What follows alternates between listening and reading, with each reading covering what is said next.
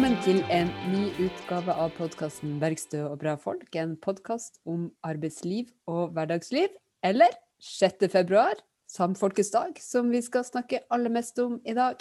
Kirsti Bergstø heter det. Er nestleder i SV, og med meg har jeg Ingrid Wergeland, kommunikasjonssjef i Manifest Tankesmie. Så er det veldig hyggelig å ønske velkommen til dagens gjest, Hilde Danielsen. Eller hvordan ville du introdusert deg, Hilde? Hei, hei, ja. Du, jeg har nok eh, Det er helt Du kan godt kalle meg Hilde Danielsen. Men, du lystrer det? Ja. ja, ja, helt klart. Helt klart. Eh, men eh, slik sett så har man jo et samisk etternavn også, og den Da bruker jeg faktisk å si Gappien Hilde Marie Danielsen.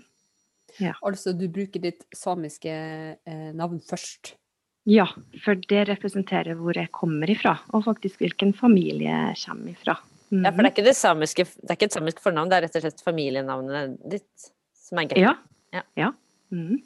Det samiske. Mm. mm. Stemmer det. Når du sier hvor du kommer fra, er det geografisk? Altså hvor du kommer fra rent geografisk? Ja, faktisk. Eh, det kan man eh, da, for det er liksom gap igjen, eller ja, da kommer du ifra Kappfjellet.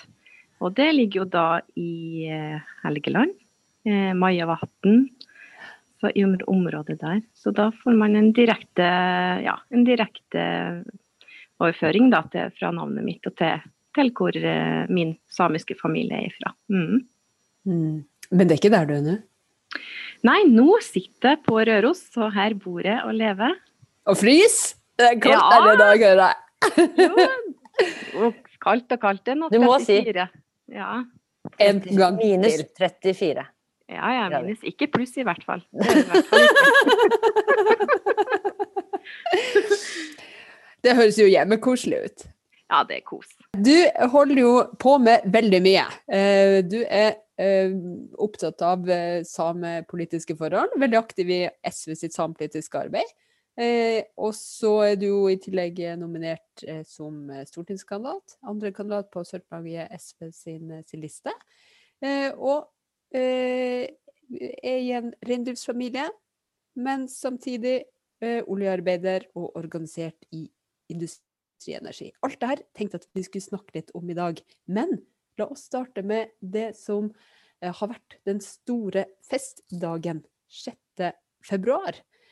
Kan ikke du si litt om den dagen, Hilde, og hva den betyr for, for deg? Ja, 6. februar den er jo, det er jo en direkte konsekvens kan man si, fra, eh, fra det første samiske landsmøtet i Tronte 1917. Der det faktisk var en dame som sto i front med både ideen om å samle det samiske folket, og da snakker vi både en, ja, fra Norge og Sverige, 150 deltakere i 1917 i Trondheim, eh, samla sammen av en sterk eh, samisk kvinne ved navn Elsa Laula Renberg. Og sammen med henne hadde hun faktisk med seg to andre damer òg, Ellen Toven og Anna Ren Renfjell. Slik at eh, det var en ren kvinnekraft som drev fram det første samiske landsmøtet. Og slik eh, er jo litt forhistoria da, til hvorfor vi feirer, feirer 6. februar. Og det er samenes nasjonaldag, og at man, at man feira den først i 93. Eh, eh, men fordi det var jo i 92 man vedtok at det skulle være samenes nasjonaldag da, i samekonferansen. Både fra Sverige, og Finland, Norge og Russland. Så det er jo litt historien bak. Og så må man jo så hvorfor eh, det er viktig for meg, da, og kanskje veldig viktig for det samiske folk, og, og jeg mener også det er viktig for egentlig hele Norges befolkning, at vi feirer 6.2 samenes nasjonaldag. Det er jo nettopp fordi at vi også er Vi er jo Norges urfolk. Og vi, og vi trenger kanskje det her med å bli anerkjent som et folk også. Og det Ja. Så det er jo liksom litt bakgrunn for at man feirer 6. februar. Det er jo ja, den politiske sida ved det, da. At man må stå opp, stå opp og for de samiske rettighetene. Mm. Hvordan bruker du å um, markere dagen?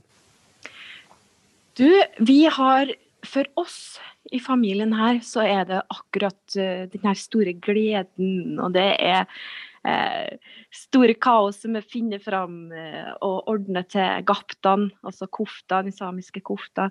og alltid rundt på lik linje, tror jeg, som det er når det er skal vi si, når det er 17. mai-feiring for en storfamilie og skal forberede mm. seg. Og det er den gleden, det man ser fram til.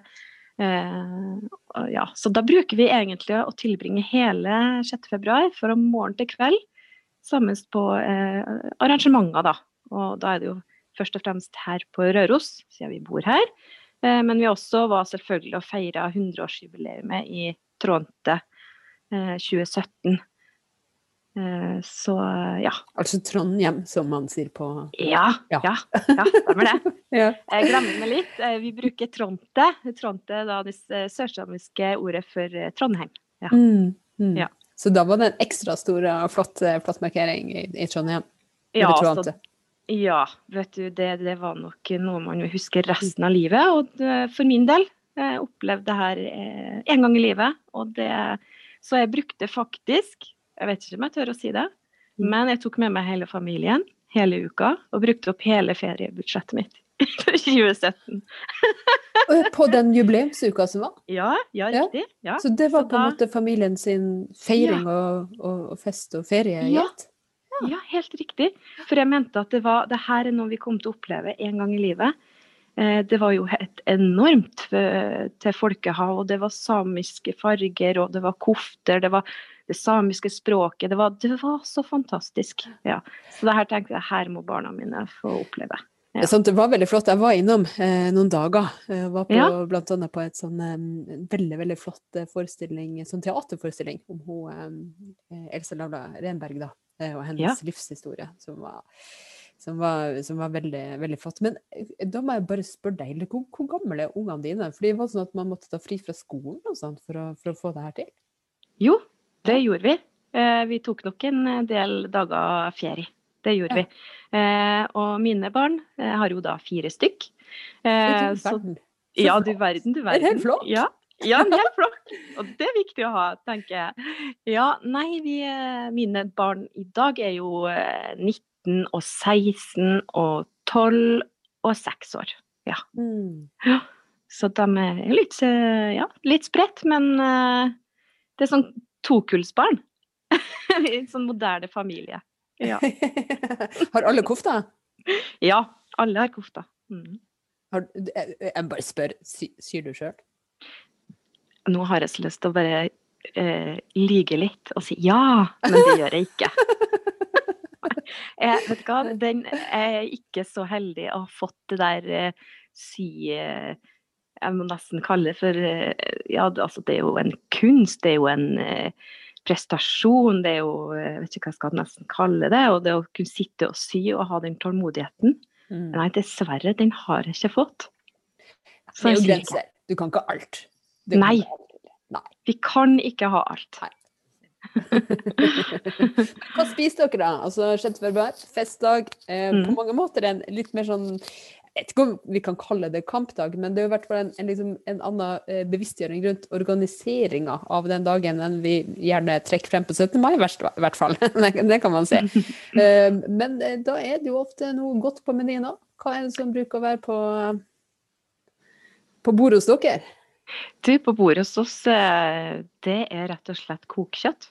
Der koker vi kjøttet, ja. Med deilige rotgrønnsaker og kokt tunge og ja, det mm. er liksom det, det som er tradisjon. reinkjøtt vi, vi snakker ja, om, er for de uinnvidde ja, ja, ja. er kokt reinkjøtt. Ja. Det er jo noe av det beste som fins. Men vi var jo litt inne på, på at 6. Eh, februar eh, også på mange måter er en dag for samling og organisering. Det er i hvert fall der man minnes på det. Kan ikke du si litt, Hilde, om hva du tenker at det er de viktige Eh, politiske kampene i dag, eh, sånn i et, et sånn samepolitisk perspektiv? Ja, eh, det kan jeg.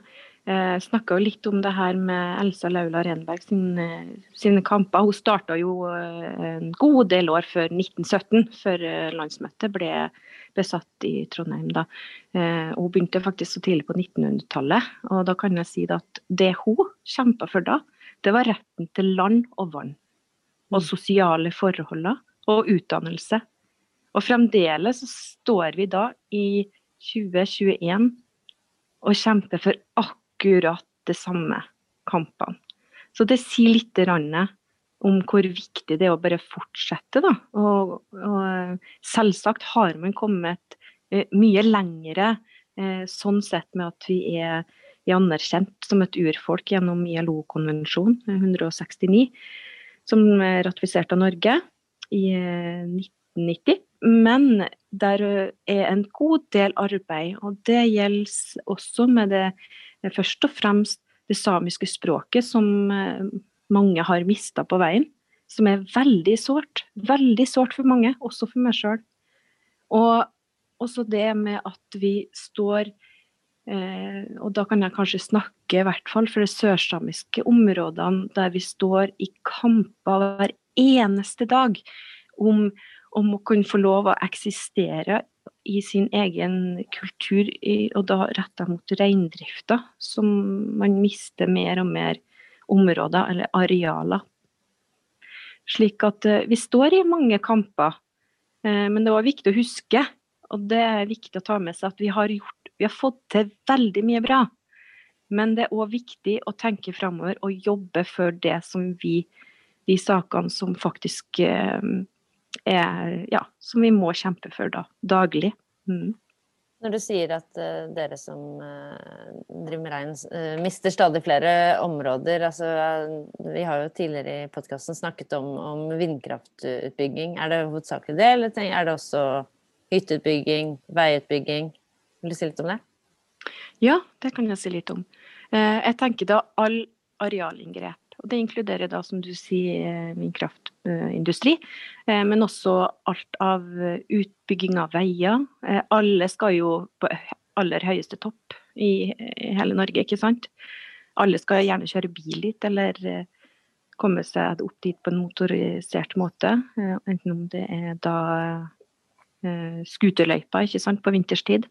og så har vi selvfølgelig den store hytteutbygginga og arealtapet som går med der. Og og det jo Det kan jeg jo si at det, at det er også en eh, opp mot eh, da spesielt areal eh, Veldig store arealtap innenfor reindrifta, men også, også synes jeg personlig så står jeg også for at jeg syns at denne arealinngrepet fra hytteutbygginga er, er, helt bak mål.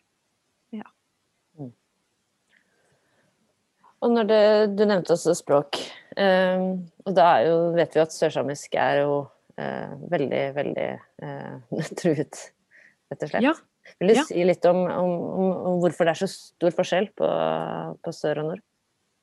Jeg tror det at uh, i Nå skal ikke jeg si noe som ikke stemmer, men jeg tror kanskje at det har med at fornorskningsprosessen, eller denne fornorskningsprosessen mot det samiske folket, når det starta, så det Eh, gikk det veldig hardt utover dem som kanskje lå nærmest uh, tilgjengelig for andre folk å komme fram til.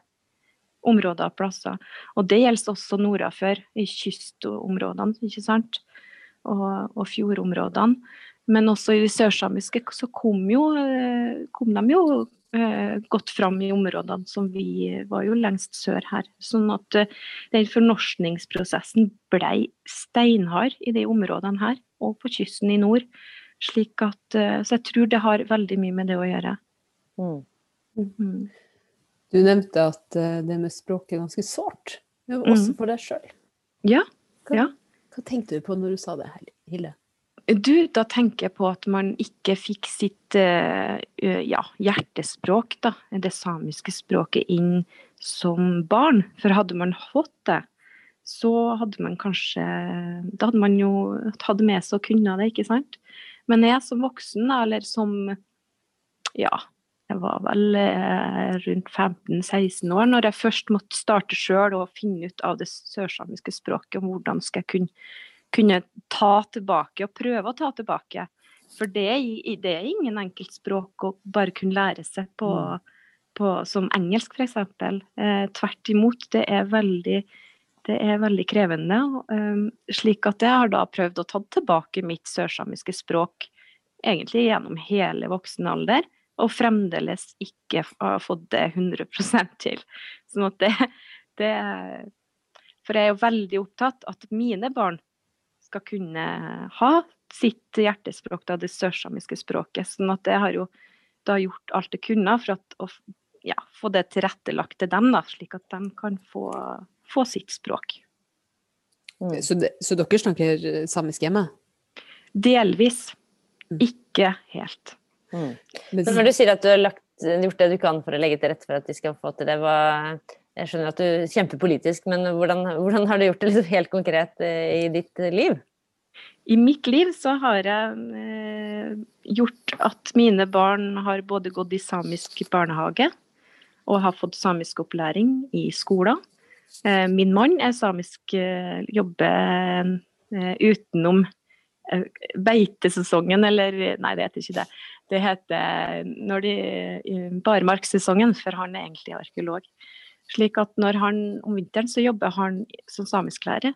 Slik at vi har prøvd å gjort slik at eh, ja, så de, vi får det inn både her hjemme, og jeg gjør, bruker alt det jeg kan.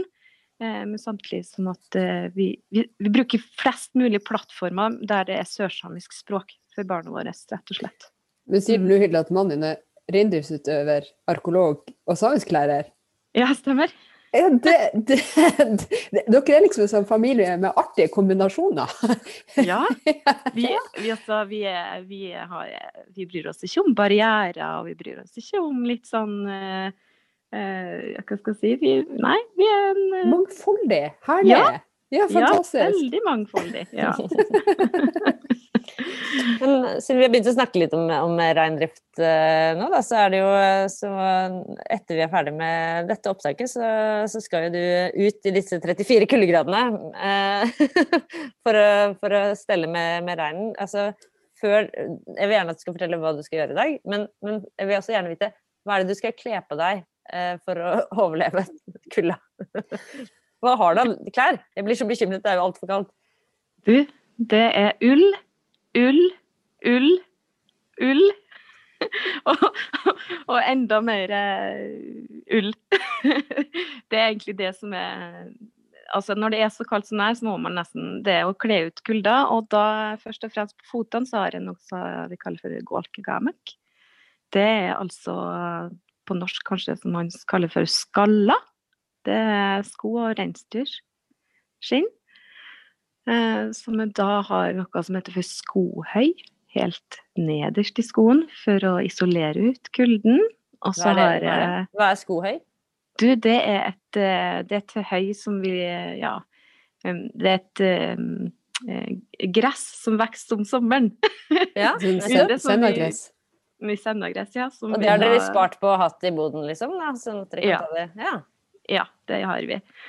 Og så er det da ullkartanker oppi der, og da, og da er det skotøy på plass. Eller så er det egentlig ullbukser og ullstillongs og utepåbukse og ja.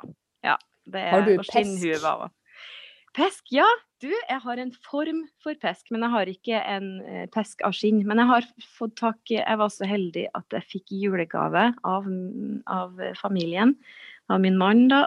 Han kjøpte en sånn her pesk som, eh, som er sydd Eh, av vanlig tøy, som er da i, i nordafor, faktisk, eh, i, fra Finnmark. Det er en som holder på å sy sånne jakker, produserer jakker som, som fungerer som en pesk. Og det er vel egentlig helt mest fantastiske plagget jeg har for eh, 34 minus.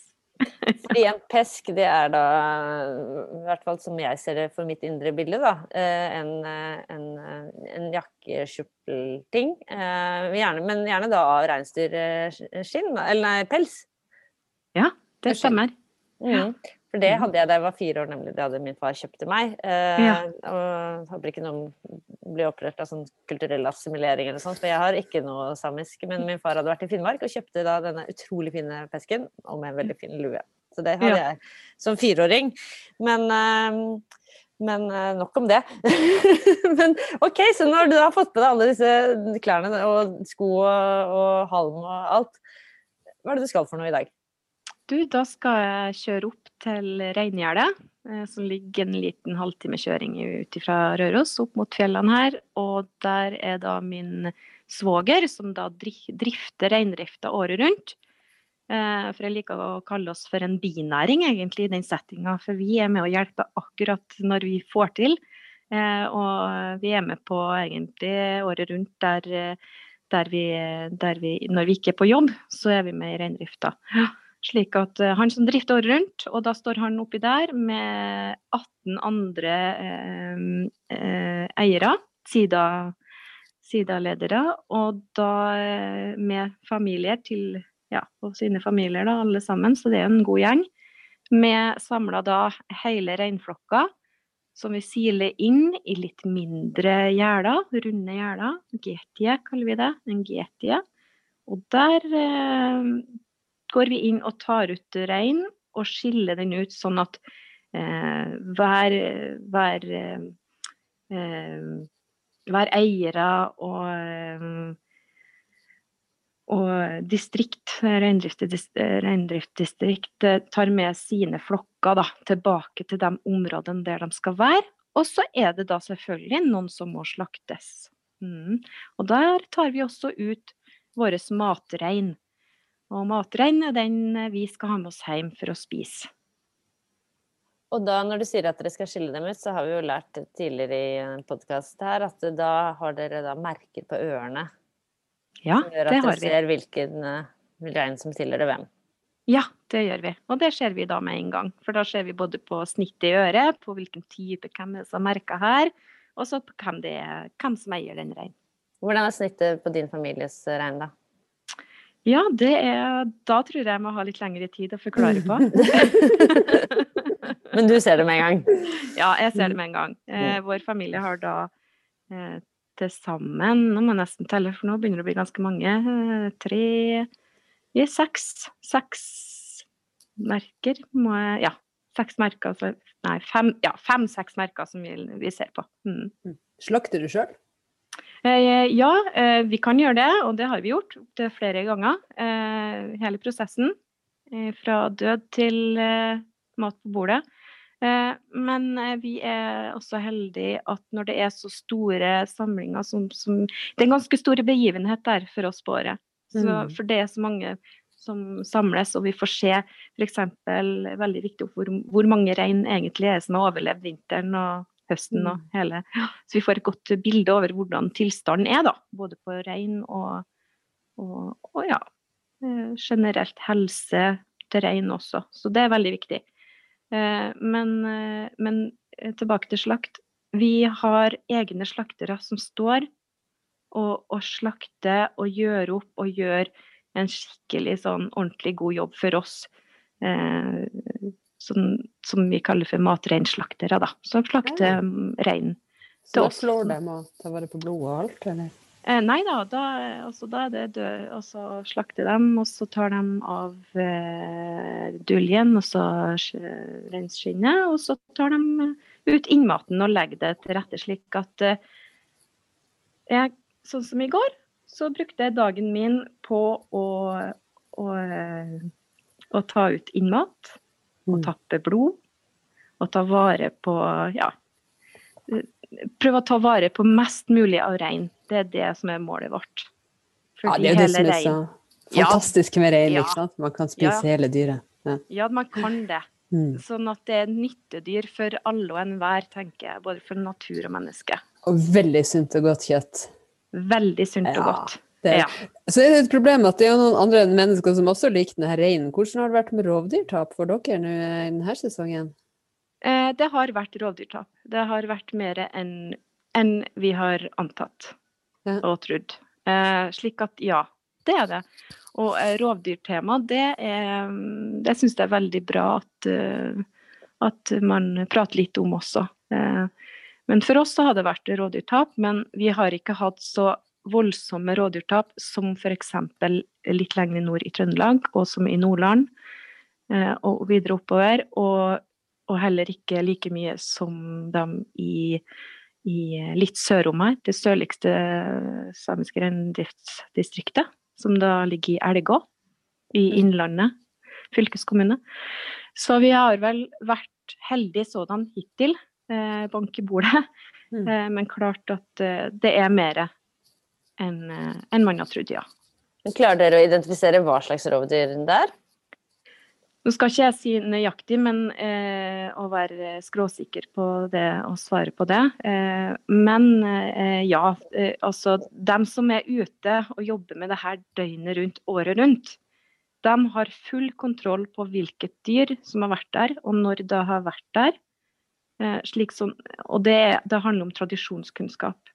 Og det er ikke bare, det, det er ikke bare innen reindrifta, det handler også om faktisk eh, for dem som driver Eh, utmarksbruk generelt. Mm. mm. Hva er det dere har mest av, da? Eh, ja, det har jo vært eh, jerv og gaupe. Eh, det har vært bjørn. Og ulv er veldig usikker på om vi har hatt. Det har jeg ikke riktig hørt om ennå. Så det kan jeg ikke si noe om. For det vet jeg ikke. Men dere har ikke ørn? For det har jeg sett at det er veldig mye lenger nord at man har mye mm. ørn som rett og slett mm. kalver? Mm. Jo, jo, det er helt riktig. Mm, bra du sier det. Fordi eh, eh, det har vi. Vi har det i kalvingsperioden i mai. Eh, oppe i fjellene som da ligger mot kysten. Mot Stjørdal f.eks. har vi kalvingsområder. Og i, ja, mot kysten, kan du si. Og der og der er det ørn som kommer inn. Eh, hver sommer når vi har inn f.eks. når kalvene har blitt noen, noen, måneder gamle og vi tar inn til kalvmerkinga vår om sommeren for å merke de her kalvene, så ser vi ørna eh, flyge rundt og kretse rundt og prøve å, å finne seg noe et mm. byttedyr, da. Som også er helt naturlig. Eh, og når jeg snakker om rovdyr her, så kanskje det høres ut som jeg ikke vil ha rovdyr, men det stemmer ikke ikke i det hele tatt. Jeg ønsker at vi skal ha en rovdyrbestand i Norge. Eh, at, men kanskje at vi må nødt til å se på hvordan vi eh, for, um, forvalter den på en litt annen måte. Mm. Eh, eh, så det er det jeg snakker om. Jeg snakker ikke om at man ønsker at rovdyrene skal bli borte vekk. Og det kan jeg også si at det er svært få som jobber med utmarksbruk, eh, både i reindrift og i sauenæringa, som ønsker at, um, at de der rovdyrene skal forsvinne. For det er ikke sånn, det er ikke svart-hvitt. Mm. Her, her, må man jobbe med naturen. Og, og hvis vi må nødt for å redusere, redusere eller uh, på noen som helst måte jobbe for at vi kan få en bedre forvaltning, så må man se på det. Det er det mm. min mening er balanse i naturen. Men ja. du Hilde, det er ikke så veldig lenge til. altså Nå skal du snart ut og opp i, opp i gjerdet og, og, holde på med, med flokken og reindrifta. Men så er det ikke så veldig lenge til du skal reise ut eh, på, um, på, på, arbeid ute i Nordsjøen. Ja. ja. Kan du fortelle oss litt om, om det? Du, ja, jeg jobber jo da oljeindustrien. Eh, og mange syns kanskje det er litt eh, at det kan krasje f.eks. med å være SV-er, men jeg tenker heller litt tvert imot. At det kan være en styrke. Eh, sånn at eh, eh Ja, så jeg er oljearbeider. Reiser på plattformen Snorre A ute, ute på Tampenfeltet. Som for øvrig, ja, for øvrig jo Hywind Tampen skal jo legges der. Så det blir et prosjekt som vil være nabo, nabo til min arbeidsplass. Fortell om det. da. Eh, hva sa du? Min arbeidsplass? Mm. Og Hywind. Mm. Ja, det er, jo et, eh, det er jo et havvindprosjekt som skal legges da der ute. Et prøve, er vel et prøveprosjekt, eh, som jeg har forstått. Eh, som da har fått midler til å prøve det her og sette opp. Så jeg er mest spent på å se om hvordan det her fungerer, og hvordan mm. det vil påvirke havbunnen. Eh, Eh, det er jo mange som, eh, mener, altså, som, mener at det er veldig feil å drive med hav, havvind, men, men, jeg er nok av den som tenker at det her er vi nødt for å prøve ut før vi kan si at, uh, om hvordan det her vil gå videre. Uh, sånn at det Ja, det tenker jeg. Mm. Men hvordan er turnusen din da, når du er ute og inne på oljeplattformen? Du, da jobber jeg sånn at jeg har jobbet to uker ute på jobb, og så har jeg hele fire uker fri. Mm. Så det vil si jeg har, eh, jeg har, eh, Men når jeg er ute og jobber, så har jeg en tolvtimers turnus, sånn at jeg jobber jo eh, mye mer enn en, en, si, ja, en vanlig arbeidstaker i land gjør på ei uke. Så jobber jeg faktisk en god del mer på to uker enn, enn i forhold opp mot én måned som vanlig arbeidstaker i land. Så man går på en sånn Det er en heftig turnus. Man står oppe og jobber. og Det er ikke akkurat noe kjæremor, det er det ikke. Vi jobber liksom litt eh, opp mot klokka. Eh, fordi jeg jobber som kokk og lager mat til alle som er om bord.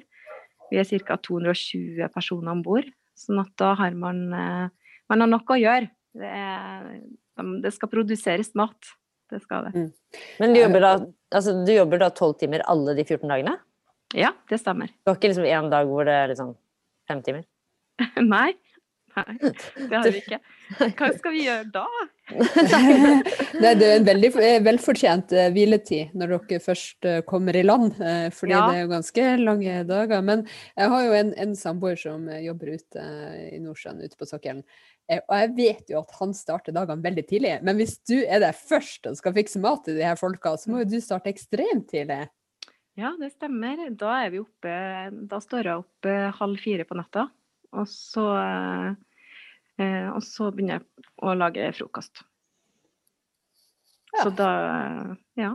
Så det er ganske tidlig, det er det. Har, egentlig har vi rent nattskift, men, men, for å prøve å gjøre ting eh, bedre tilrettelagt for dem som jobber, og for oss som opp mot nattskift, selvfølgelig. Og så vil jeg nok tro at her er det inne også en kostnadsspørsmål, da og, mm. og sende folk i, i full nattstilling med nattillegg og det hele. Men eh, jeg tror eh, kanskje man har bedre Jeg vet ikke, men kanskje har man bedre helseeffekt av at man ikke må jobbe døgnet rundt, altså he, helt nattskift fra sju om kvelden til sju om morgenen.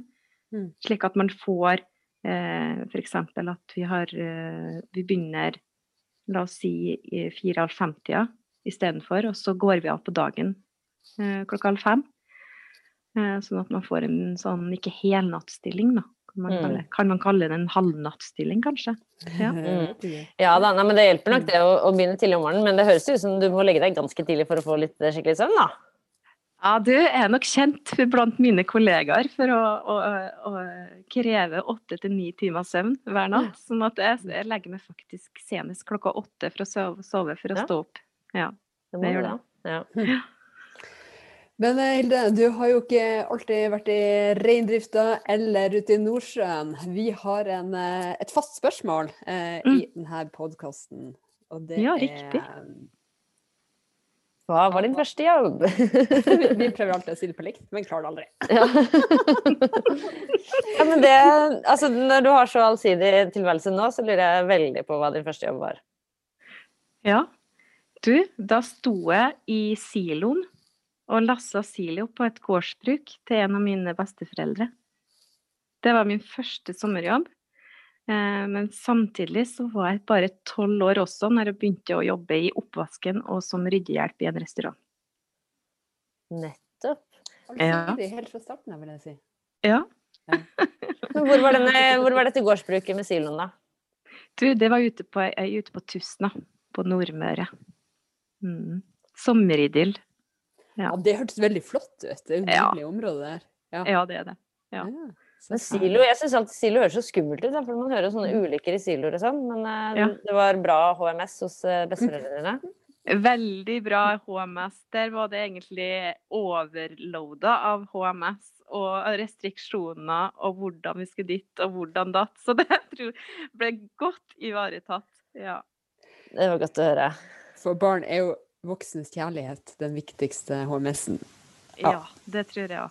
Absolutt. du Hylle, tusen takk for at du ville være gjest hos oss. Jeg kan ikke si Likko Beivin eh, på sørsamisk, så kan du lære oss det. Det betyr da eh, til lykke med dagen eller gratulerer med dagen, som man sier på, på 6. februar. Mm, sier man det? Du, da sier man lakko sami i olmege bieine'. Og det du sa nå, det var eh, gratulerer med samfolkets dag. Ja. Ja. Eller Ja, så kan man bare for... Mm. Ja, li- riktig. Eller så kan man også bare forkorte med å si lakko bjeine. Mm. Flott. Mm. Takk for at du lærte oss det. Da ønsker vi deg en uh, veldig god tur uh, først i, i reingjerdet, og så ut på jobb i Nordsjøen. Takk til dere som hørte på. Fortsett med det. Lik, abonner, del, uh, og ha en fantastisk dag videre.